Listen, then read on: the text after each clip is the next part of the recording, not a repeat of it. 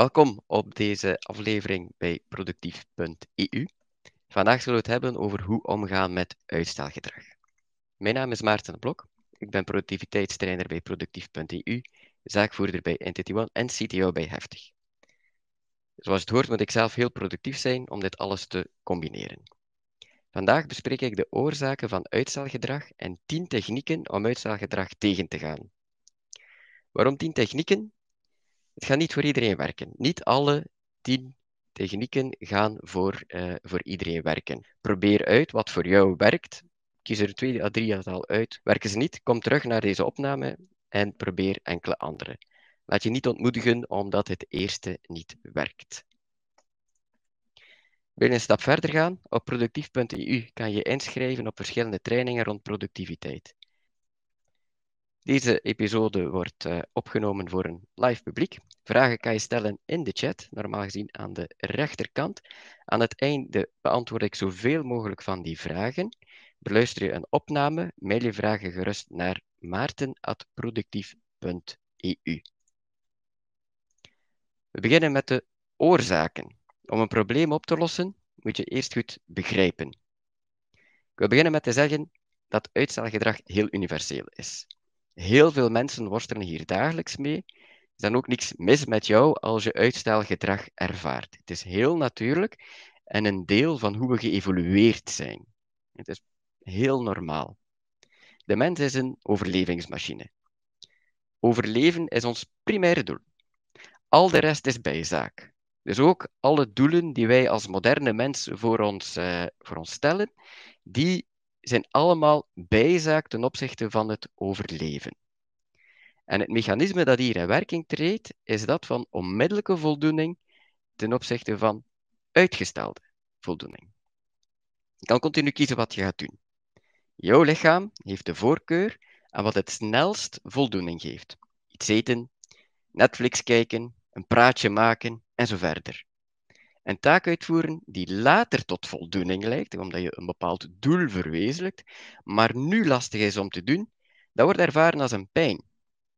En pijn willen we vermijden. We vermijden pijn en gaan voor voldoening. Ons lichaam kent enkel het hier en nu. Het is nu dat we moeten overleven. Later, dat is een probleem voor later. Soms hoor je ik heb druk en deadlines nodig om taken af te werken. Ik presteer het best onder stress. Wel, wat is dat? Dat is dat overlevingsmechanisme dat in gang schiet. Mijn job hangt af van dit project en dat project moet morgen af. En daardoor kan je die taken op dat moment wel doen, tegen een, een, een deadline gaan aanwerken.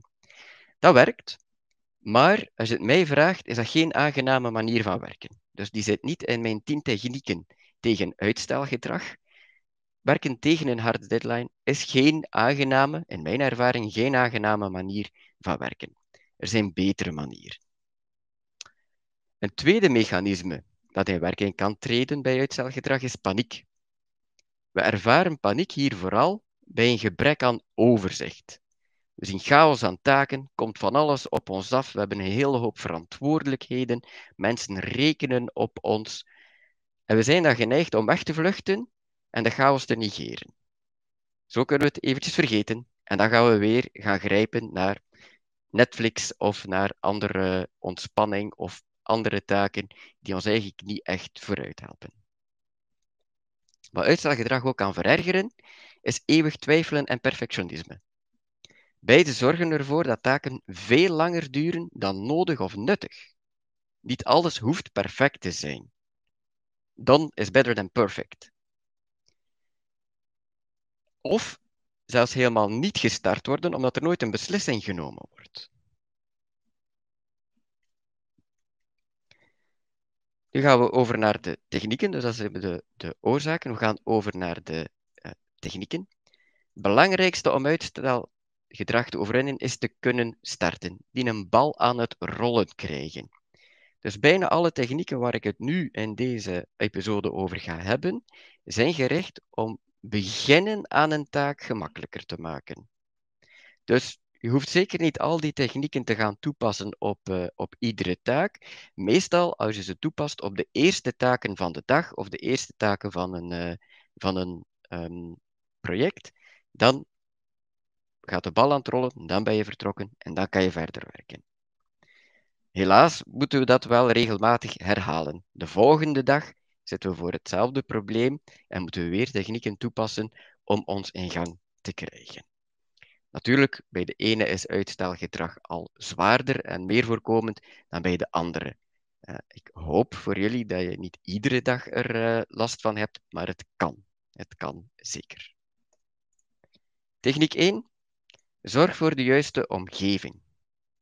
Onze hersenen werken volgens associatie. We gaan verbindingen gaan leggen. Continu met alles wat we zien, horen, ruiken, ervaring. Zorg ervoor, zorg voor een omgeving die enkel gebruikt voor werk en niet voor ontspanning. Een kantoor is daarom een ideale omgeving, maar meer en meer werken we ook van thuis of we hebben bepaalde taken, een, een bijberoep bijvoorbeeld dat we van thuis uitwerken, of een nieuw project, een zijproject dat we van thuis willen doen, maar waar het heel moeilijk is om, om in gang te geraken, om te starten. Zorg voor een goede werkomgeving. Iedereen kent wel het idyllische beeld van op een strand liggen met laptop en cocktail. Ziet er leuk uit, maar werkt voor de meesten. Je hebt altijd uitzonderingen natuurlijk, maar werkt voor de meesten niet. Dat is geen productieve omgeving. Dat is een ontspanningsomgeving. Als je ontspannen bent, geniet van je ontspanning. Als je aan het werken bent, bent sluit die zaken af. Het klinkt dus heel aanlokkelijk om in de zetel te gaan uh, zitten met een laptop of in de tuin te, te gaan werken, maar het helpt je niet vooruit bij het uitvoeren van lastige taken.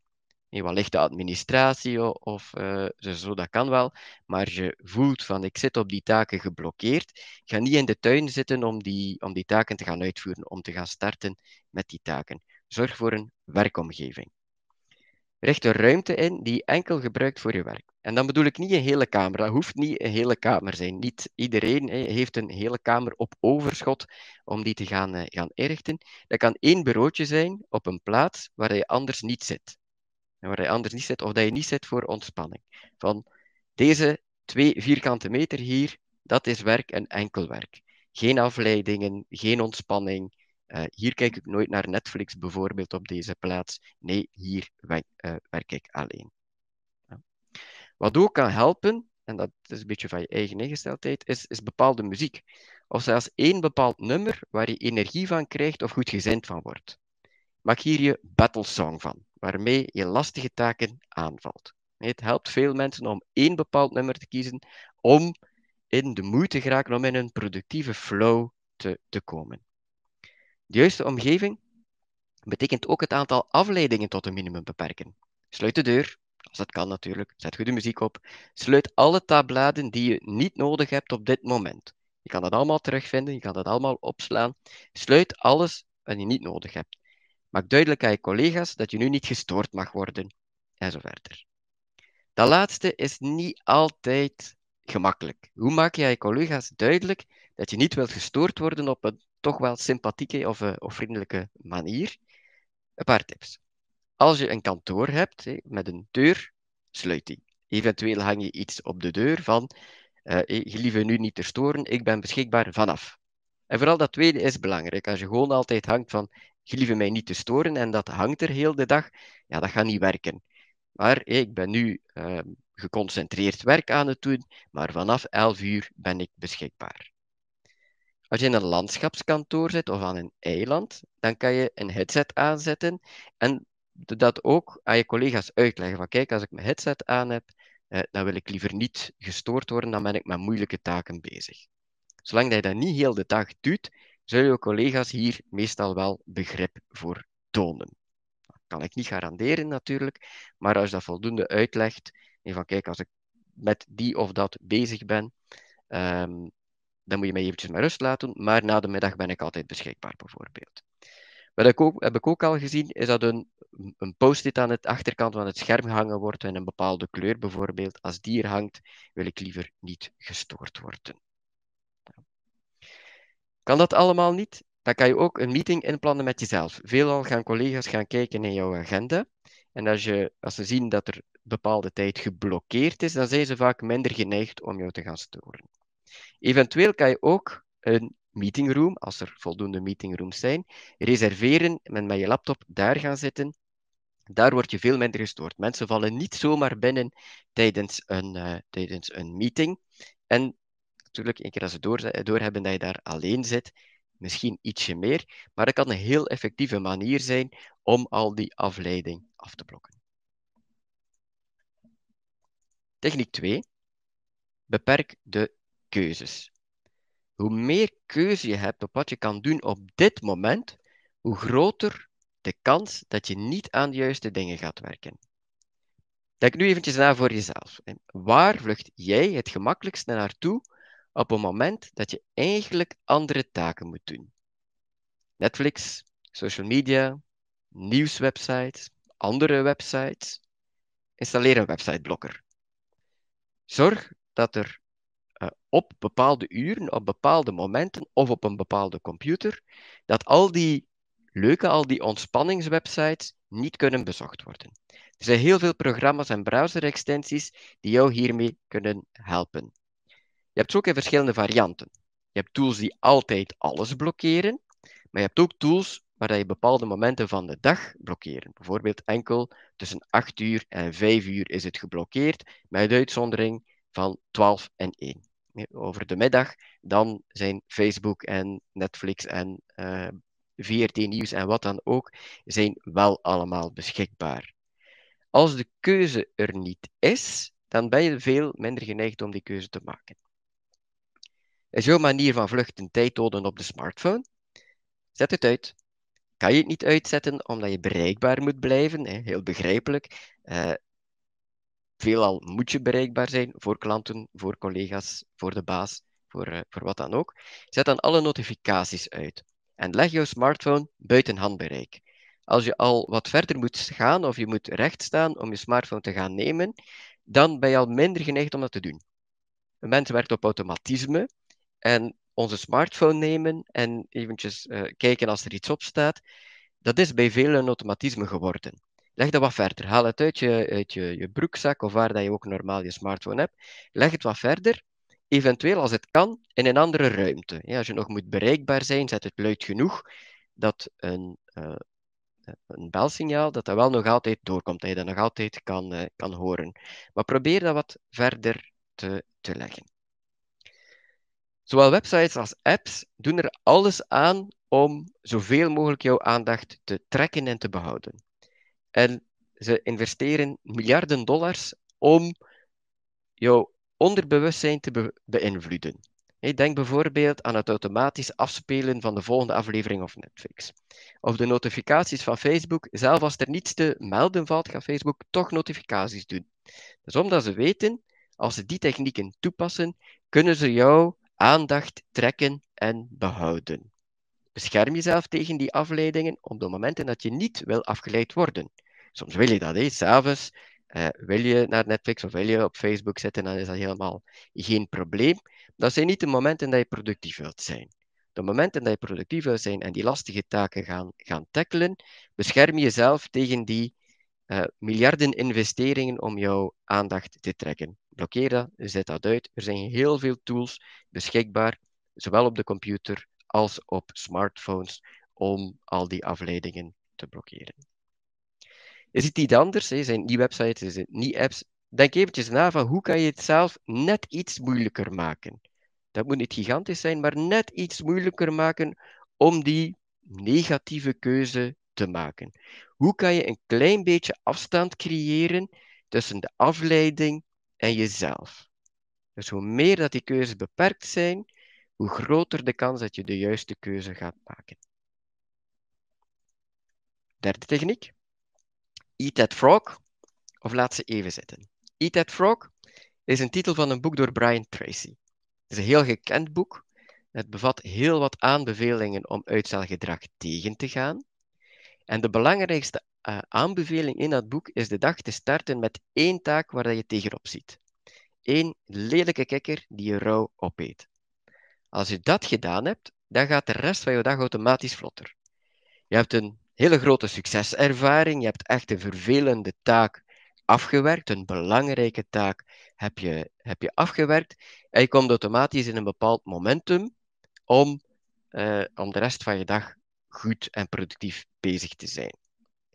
Maar zoals eerder vermeld, werkt niet iedere techniek voor iedereen.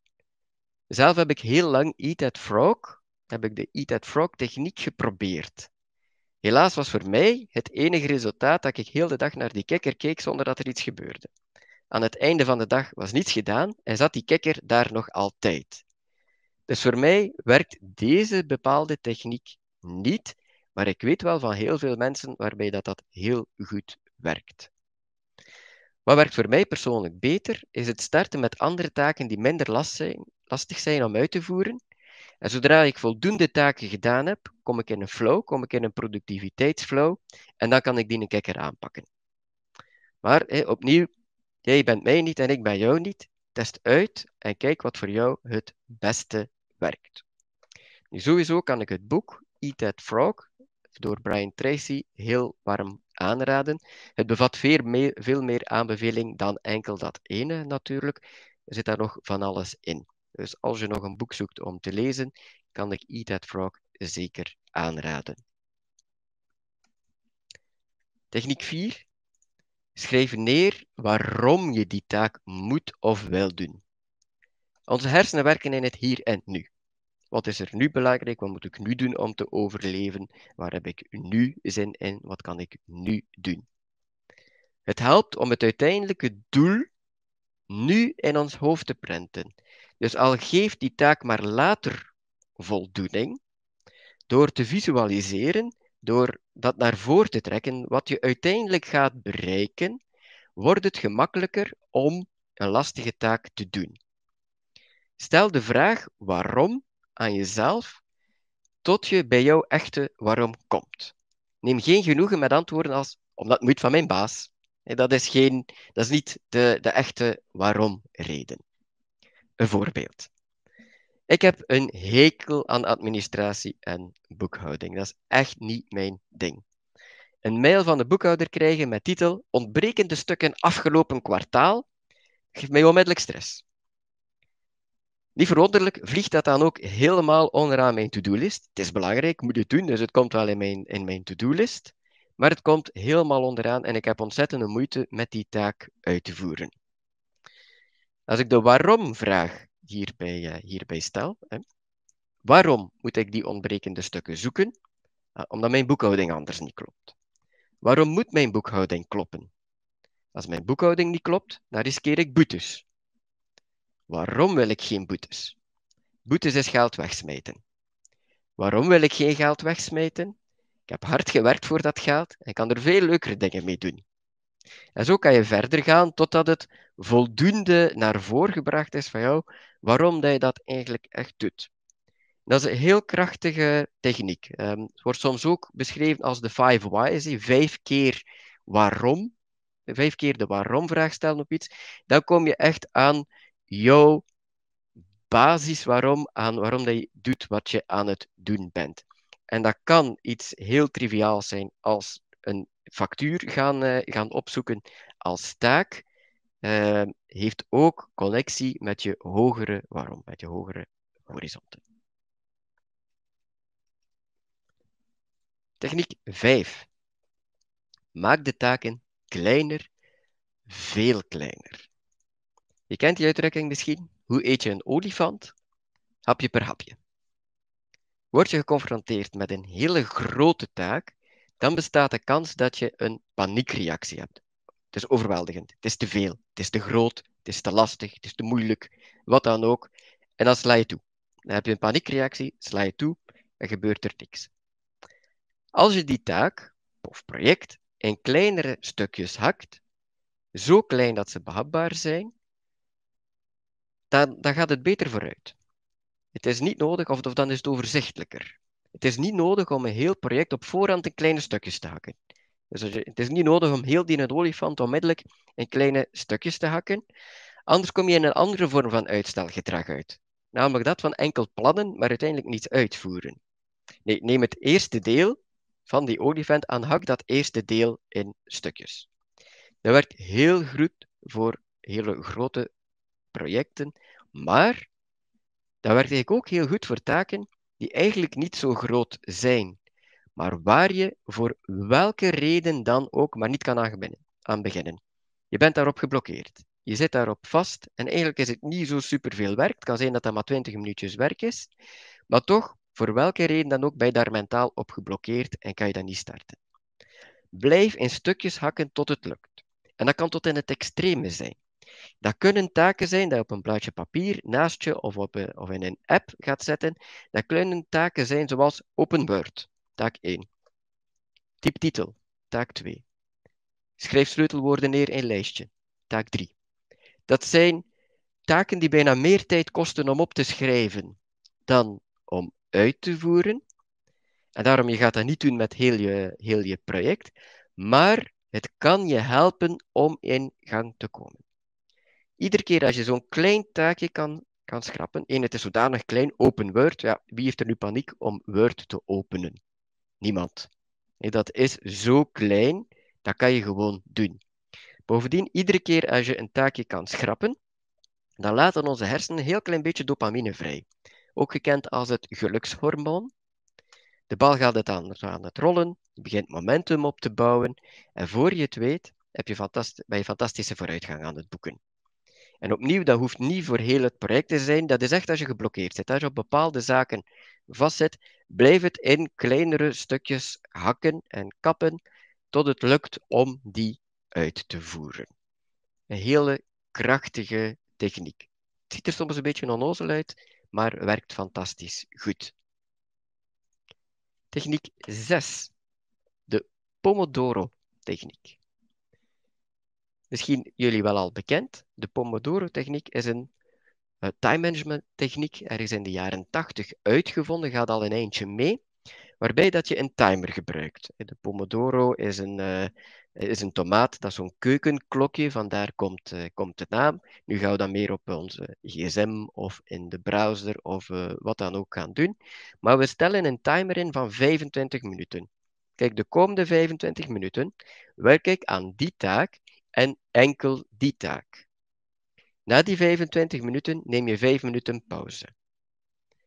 Als je, jezelf, als je van jezelf denkt dat je 8 uur aan een stuk geconcentreerd kan doorwerken, dan ben je zelf plaatjes aan het wijsmaken. Niemand kan dat, zeker niet als het over lastige taken gaat, als het eh, over uitstelgedrag eh, gaat. We hebben nu en dan eventjes pauze nodig om kwalitatief werk te kunnen leren kwalitatief werk te kunnen afleveren. Na dit vier keer te doen, dus vier uur, dus 25 minuten en 5 minuten is een half uur, na vier keer te doen, neem je een ietsje langere pauze. En zo kan je verschillende pomodoro's op een dag doen. 25 minuutjes geconcentreerd werken en dan 5 minuutjes pauze en herhaal. Belangrijk hierbij is dat je op voorhand weet welke taken je gaat doen. Hierbij komen we op de volgende techniek. Techniek 7. Plan je taken. Een hele mooie afsluiter van je werkdag is de volgende dag inplannen. Doorheen de, doorheen de dag zijn er taken afgewerkt en zijn er ook taken bijgekomen. Bekijk je lijst en kies er enkele uit voor de volgende dag. En hier belangrijk, wees realistisch. Plan geen acht uur vol. Als je acht uur vol uh, plant, dan ben je eigenlijk al je eigen falen aan het voorbereiden. Dat zal niet lukken. Bovendien zijn we vaak heel slecht met het inschatten hoe lang iets gaat duren. En we weten niet welke stoorzenders, of we onderschatten welke stoorzenders er de volgende dag zullen zijn. Ik raad aan om maximum drie taken te kiezen. En samen mogen die drie, die drie taken niet meer dan drie uur innemen. Als één taak langer dan drie uur duurt, dan heb je niet voldoende opgekapt. Dat moet je kunnen opdelen in verschillende stukken. Dus maximum drie taken. En die drie taken samen mogen maximum drie uur innemen. Kijk ook naar je agenda. Als je de volgende dag, heel de dag naar een seminarie of een opleiding moet, ja, dan kan je dat uiteraard niet zo inplannen. Hè. Maar denk aan een typische werkdag, waar dat je toch wel wat keuze hebt in je dag wat je gaat doen. Kies drie taken en die drie, drie taken mogen niet meer dan drie uur innemen. Hele krachtig daarbij is ook één taak inplannen van strategisch belang. En strategisch klinkt heel bedrijfsmatig, maar dat kan ook iets voor jou persoonlijk zijn. Wat is één iets dat jou echt kan vooruitwerken, kan vooruit helpen? Plan één zo'n taak in per dag. Als het niet mogelijk is per dag, plan dan eentje in per week. Eén taak, als je achter, achteraf daarop terugkijkt van, goh, ik ben blij, nu heb ik vooruitgang gemaakt. Voor mij is dat bijvoorbeeld schrijven aan mijn boek. Ik heb twee boeken geschreven, ik ben nu aan een derde boek aan het schrijven. En ik heb altijd een lange lijst van taken waar ik kan aan werken. En in tegenstelling tot die taken is er niemand die mij opbelt mail, of mailt om te vragen wanneer dat ze resultaat kunnen krijgen van dat boek, wanneer dat, dat boek er zal zijn. Zo blijft voor mij, zo blijft iets dat voor mij persoonlijk belangrijk is, heel vaak lang liggen. Want na al die andere eh, taken ja, zit er meer druk op, worden er meer eh, zaken gevraagd. Maar door dagelijks één paragraaf op te nemen, één paragraaf schrijven, hè, één paragraaf schrijven in mijn boek, op te nemen bovenaan mijn to-do-list, dan gaat dat boek wel vooruit. En ik begin met één, uh, één paragraaf, maar meestal worden dat er wel meerdere. Maar ik plan maar eentje en ik plan iets relatief klein in. Het is behapbaar, het is niet overweldigend en zo kan ik gemakkelijk starten en gaat mijn boek vooruit. Techniek 8. Zorg voor een systeem. Mijn productiviteit is pas echt hard toegenomen toen ik het boek Getting Things Done gelezen heb. Ligt hier naast mij. In 2015 was ik gefrustreerd met mijn eigen productiviteit. Heel veel plannen, heel veel ambities, grote doelen, maar heel weinig resultaat. Te weinig resultaat. Zoveel taken, te veel taken en beloftes werden vergeten en mijn grote doelen die kwamen maar niet dichterbij. Maar, dacht ik, we leven in een tijd van ongeziene hoeveelheid beschikbare informatie. Er is geen enkele generatie die ons voorgegaan is die zoveel informatie beschikbaar had. Dus dacht ik, het antwoord moet te vinden zijn. Er zijn zoveel succesvolle mensen in de wereld. Wat doen die anders dan mij? Wat lezen zij? Wat volgen zij? Welke technieken? Wat eten zij? Uh, etc ben blogs beginnen lezen, artikels beginnen lezen, naar podcasts beginnen luisteren, voedselsupplementen genomen, noem maar op. Maar wat mij opviel, is dat er heel vaak verwezen werd naar iets wat Getting Things Done heet. Zelden was er iemand die de volledige techniek of het volledig systeem toepast, maar iedereen haalde er precies wel iets uit.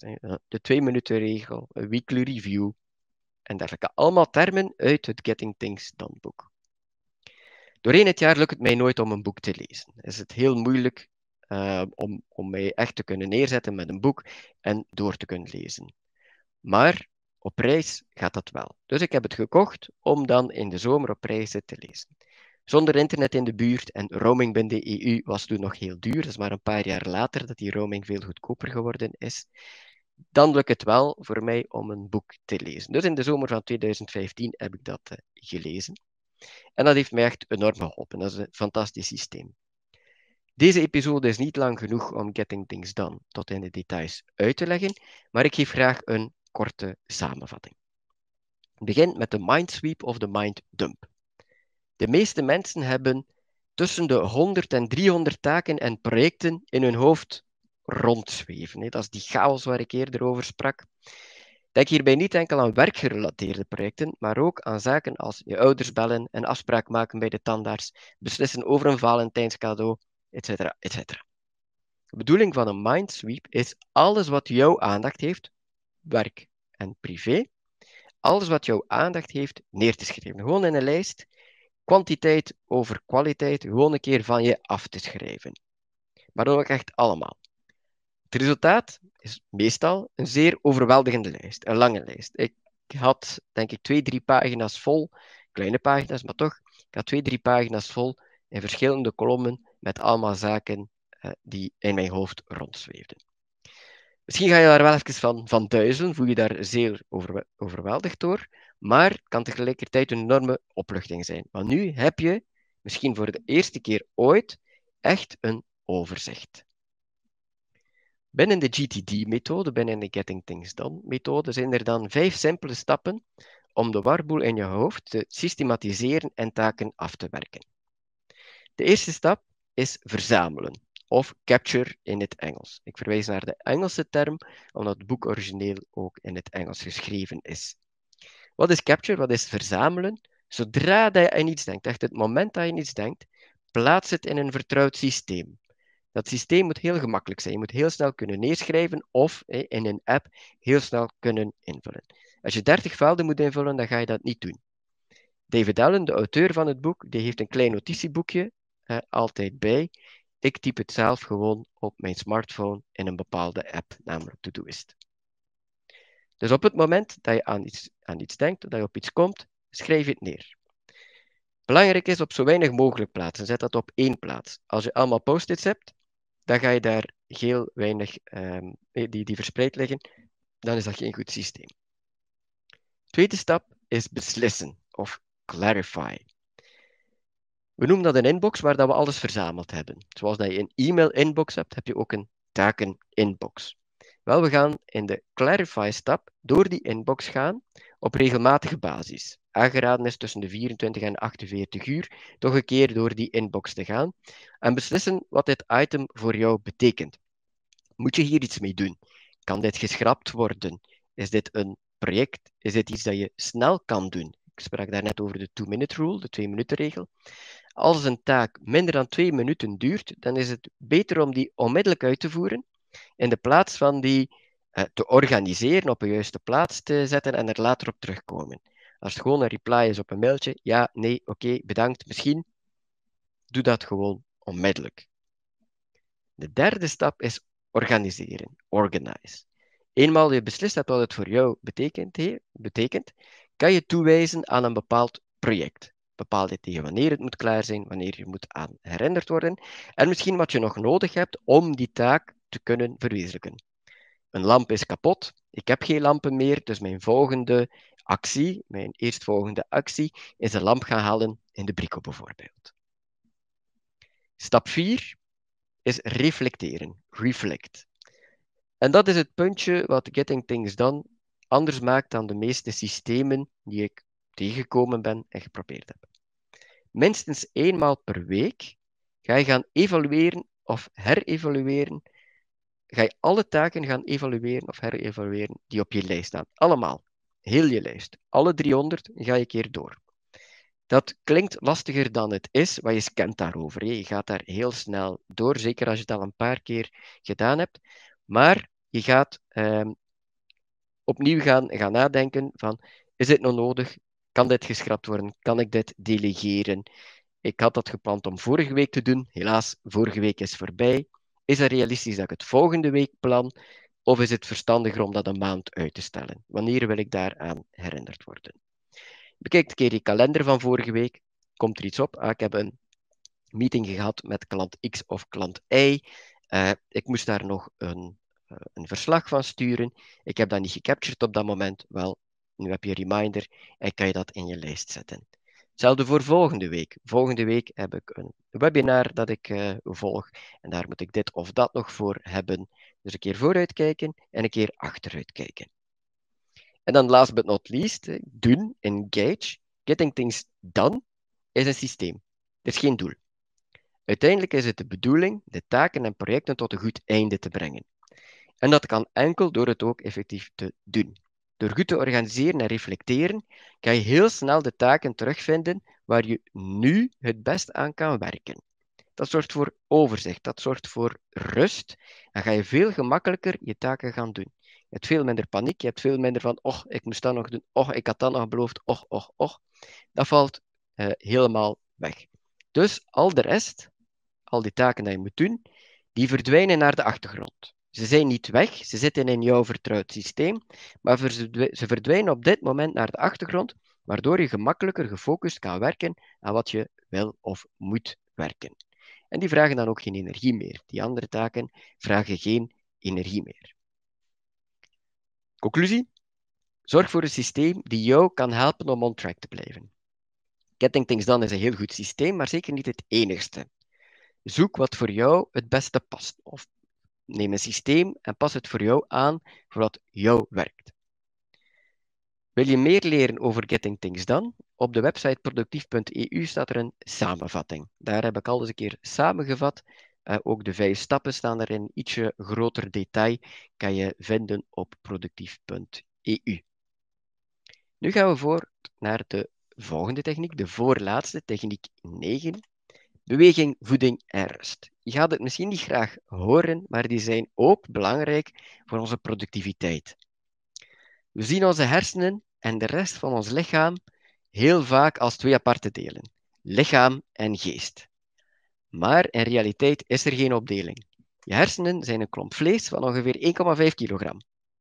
Alles wat we eten stroomt evengoed door onze hersenen als door de rest van ons lichaam. Als we rommel eten, dan krijgen onze hersenen ook rommel om mee te werken. Een gezonde voeding is van cruciaal belang om zo productief mogelijk bezig te zijn. Je moet natuurlijk nog kunnen amuseren ook, maar hou daar rekening mee in je planning. Bijvoorbeeld, wist je dat de meeste chirurgen geen ingrepen plannen op maandag, geen geplande ingrepen hebben dan? Zo kunnen ze in het weekend iets drinken, zonder dat het effect heeft op hun werk. Zonder dat het werk effect heeft op, op de chirurgische ingrepen.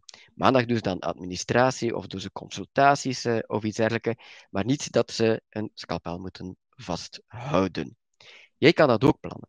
Heb je een avondje stappen gepland op donderdag, zet dan geen zware taken op vrijdag. opnieuw, je bereidt enkel maar je eigen falen voor. Plan het ook een stukje naar je eigen energie. Ik bijvoorbeeld werk het, heb het meeste energie op maandag en dinsdag. Het weekend slaap ik het meeste van de week. En dat heeft als effect dat ik de maandag en de dinsdag het meeste gedaan krijg. Dat zijn ook mijn langste dagen. Wel, ik zet mijn zwaarste taken, mijn moeilijkste taken, zet ik op maandag en dinsdag. Dat is natuurlijk persoonlijk. Kijk wat werkt voor jou, wat past voor jou. Nu, hetzelfde kunnen we ook doortrekken naar beweging en rust. Dus stop alsjeblieft met een nachtje doortrekken om meer gedaan te krijgen. Uh, als student deed ik dat vroeger veel en nog een heel stuk erna ook. Maar dat werkt eigenlijk niet. Slaap op zijn minst 7 uur. Jouw werk gaat rapper vooruit gaan en zal kwalitatiever zijn, waardoor je minder werk moet opnieuw doen of minder moet terugkomen op werk. Want dat is allemaal verloren energie. Vroeger in mijn studententijd, maar helaas moet ik toegeven, toch ook nog lang erna, dacht ik productief te zijn door s'avonds laat nog door te werken. Maar in realiteit werd er zelden iets afgewerkt en als er iets afgewerkt was, dan was ik er eigenlijk niet echt tevreden van. Bovendien was de volgende dag heel lastig om mezelf te motiveren. Ik was moe, ik had niet voldoende geslapen, uh, een beetje mist in mijn hoofd en ik kreeg minder gedaan overdag, waardoor dat s'avonds nog meer moest doen om in te halen en dat is dan een vicieuze cirkel. Nu richt ik me op minstens 7 uur slaap. Lukt dat altijd? Nee. Maar ik richt mij op die minstens 7 uur slaap. Ik probeer dat iedere keer opnieuw te doen. Resultaat, ik krijg veel meer gedaan dan vroeger en ik voel me beter. Ik haat het om heel de dag moe rond te lopen. Nu heb ik dat veel, veel minder. Soms nog wel een keer, maar toch veel, veel minder. Dan komen we aan de laatste techniek, dat is een beetje een speciale. De bijzitter. Zit je echt, echt vast? Werkt geen enkele andere techniek? Heb je van alles geprobeerd om een bepaalde taak te verwezenlijken, maar het werkt gewoon niet? Je blijft daarop geblokkeerd. Vraag dan aan iemand om naast jou te komen zitten en letterlijk op jouw vingers te kijken. Die persoon hoeft niets te doen. Enkel maar toekijken dat jij die ene taak die je wil doen ook effectief doet. En dat niet met andere dingen uh, begint. Dat klinkt misschien een beetje extreem. En geloof me, de eerste keer dat je dat vraagt aan iemand, is dat heel ongemakkelijk. Dat is een heel rare vraag om te stellen. Het is dan ook mijn laatste reddingsmiddel. Ik vraag mijn vrouw om even bij me te komen zitten met een theetje en gewoon toe te kijken. Ik zeg van kijk, die taak hier, daar zit ik op geblokkeerd. En dat hoeft niet per se altijd een moeilijke taak te zijn, maar ik ben erop geblokkeerd. Zij komt gewoon bij me zitten en kijkt dat ik die taak doe. De eerste keer is dat wat ongemakkelijk, dat went, maar het is extreem, extreem effectief. Dus dat kan je partner zijn, dat kan een vriend zijn, dat kan een collega zijn, iemand die je vertrouwt, iemand die niet te hard met jou gaat lachen als je die, uh, als die vraag stelt. Het is echt extreem effectief. Het is mijn laatste redmiddel. Als al de rest niet werkt, als ik geblokkeerd zit op iets, als al de rest niet werkt, werkt, dan pas ik deze techniek kan het warm aanraden. Dat waren de tien technieken. Ik herhaal ze nog even. 1. Zorg voor de juiste omgeving. Zo kom je gemakkelijker in een productieve flow. 2. Beperk de keuzes.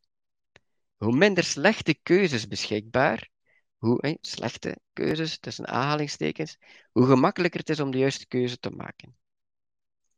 Eat that frog of laat die kikker nog eventjes zitten. Probeer wat voor jou het beste werkt.